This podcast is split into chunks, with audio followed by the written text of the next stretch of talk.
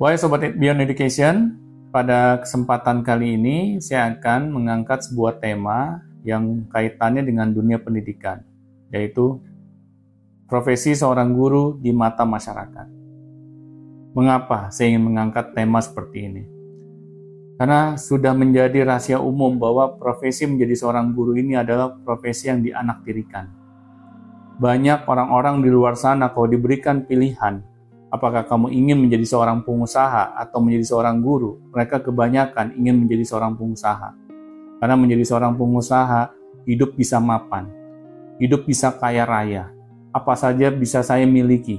Tetapi menjadi seorang guru boro-boro. Karena guru sudah dikenal di mata masyarakat adalah profesi yang menyematkan pahlawan tanpa tanda jasa apakah hal itu masih relevan sampai saat ini? Kalau menurut saya pribadi, guru adalah profesi yang pantas mendapatkan tanda jasa. Malah saya berikan huruf kapital. Mengapa? Karena tanpa jasa seorang guru, bagaimana kita bisa membangun bangsa ini? Bagaimana bangsa ini bisa maju kalau tidak ada guru-guru yang berkualitas? Kadang kita berpikir kebalik gitu. Guru pantas hidup susah. Karena guru ini adalah profesi yang sosial, profesi yang tidak mengharapkan kehidupan yang layak bagi dirinya. Kalau guru sampai tidak layak kehidupannya, bagaimana dia bisa memberikan yang terbaik buat anak-anak didiknya? Bagaimana dia tidak bisa mengeluarkan yang terbaik dari dalam dirinya untuk anak-anak didiknya? Ini yang kadang kita suka salah kaprah dalam melihat profesi seorang guru. Kita seperti menganggap profesi seorang guru ini suatu profesi yang tidak membutuhkan hal yang layak di dalam kehidupannya. Padahal kalau guru sampai kehidupannya bermasalah, bagaimana dia bisa memberikan yang terbaik buat anak-anak didiknya? Coba kita bayangkan seorang guru ketika dia menjalani profesinya, tetapi dia masih memikirkan besok mau makan apa. Bagaimana dia masih memikirkan keluarganya, agar keluarganya ini bisa memiliki kehidupan yang layak secara sandang pangan papannya. Sudah bisa dipastikan fokus dari guru ini dalam bekerja itu akan terpecah. Karena apa? Karena mereka tidak bisa fokus terhadap satu hal. Mereka akan menjalankan profesi-profesi yang lain agar bisa menyambung kehidupannya.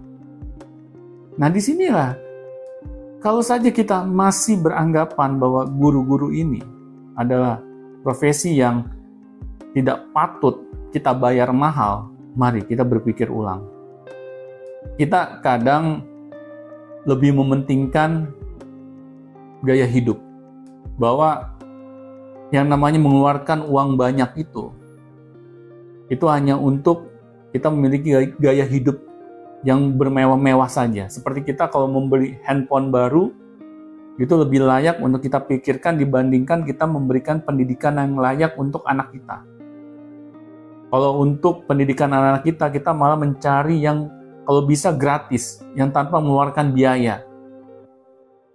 Tetapi kalau untuk memikirkan gaya hidup, kita mau mengeluarkan uang sebanyak apa pun. Apakah hal itu yang ada di benak kita selama ini? Sedangkan kita tidak sadar dengan kualitas pendidikan yang gratisan untuk anak-anak kita, apakah kita bisa menjamin bahwa itu adalah kualitas pendidikan yang terbaik buat anak-anak kita tempuh selama mereka menjalani kehidupan di dalam pendidikannya. Nah, kita jarang memikirkan hal itu. Kalau saja anak-anak kita tidak mendapatkan pendidikan yang berkualitas, bagaimana nasib mereka di masa depan? Bagaimana mereka bisa melakukan hal yang terbaik untuk masa depan mereka? Apakah kita tidak pernah memikirkan sejauh itu? Coba kita belajar dari negeri tetangga kita, yaitu Jepang. Jepang ketika masa Perang Dunia Kedua, mereka sudah bisa dipastikan mereka kalah dalam berperang dengan sekutu. Banyak kota-kota yang terkena bom, apalagi dua kota Hiroshima dan Nagasaki terkena bom atom, sehingga banyak memakan korban jiwa. Coba kita lihat, kita bisa belajar dari pemimpin Jepang pada saat itu. Dia ketika sudah mengetahui bahwa bangsanya kalah dalam peperangan dan banyak korban jiwa, dia malahan mencari para guru-guru yang masih hidup pada saat itu. Dia list jumlah guru-guru yang masih hidup. Mengapa dia sangat peduli dengan keberadaan guru-guru ini? Karena dia tahu bangsa Jepang ini meskipun kalah dalam berperang, tetapi mereka tidak boleh kalah dalam hal yang lain. Terutama dalam kemajuan sumber daya manusianya. Karena bangsa Jepang tahu dengan sumber daya manusia yang berkualitas lah mereka bisa mengalahkan bangsa lain. Ya memang mereka tidak bisa menang dalam peperangan. Tetapi mereka bisa menang dalam hal peperangan ekonomi. Ini yang kita tidak pikirkan gitu. Mengapa bangsa Jepang sekarang menjadi bangsa yang maju? Sudah bisa dipastikan karena kualitas pendidikan rakyat-rakyatnya. Mereka sangat menghargai profesi guru. Mereka berani bayar mahal profesi seorang guru karena mereka sadar gitu. Ketika mereka mendapatkan seorang guru yang berkualitas, akhirnya generasi muda bangsa Jepang itu sudah bisa dipastikan bisa menggantikan generasi orang-orang sebelumnya. Jadi wajar gitu kalau bangsa Jepang dari dulu sampai saat ini menjadi bangsa yang maju. Karena mereka memikirkan dengan sangat kualitas pendidikan anak-anak bangsanya. Tetapi coba kita lihat bangsa ini di negeri kita tercinta ini, bagaimana profesi seorang guru ini disematkan. Mengapa ketika orang-orang ditanya apakah mereka ingin menjadi seorang guru, mereka berpikir dengan keras gitu. Karena mereka tahu sulit untuk menjadi manusia-manusia yang hebat kalau mereka memilih menjadi seorang guru. Karena seorang guru ini sangat tidak dihargai gitu. Makanya banyak anak bangsa ini ketika mereka ingin menjadi seorang guru dan melihat kenyataan di lapangan, akhirnya mereka berpikir ulang. Apalagi kalau orang tuanya tidak mendukung, karena orang tuanya melihat bahwa profesi seorang guru ini tidak dihargai, dan dia tidak mau anak-anaknya itu tidak dihargai. Jadi wajar gitu kalau profesi seorang guru ini menjadi selalu profesi yang tidak diharapkan.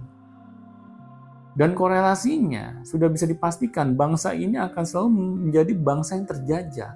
Tapi bukan terjajah secara seperti zaman dulu kala ya, di zaman kolonialisme ya. Tetapi kita selalu kalah dalam berperang di bidang ekonomi.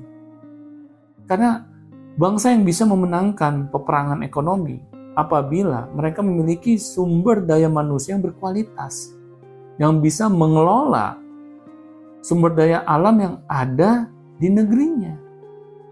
Nah, wahai sobat Beyond Education, mari kita jadikan ini sebagai bahan pikir kita bersama. Sudah bisa dipastikan kita harus menghilangkan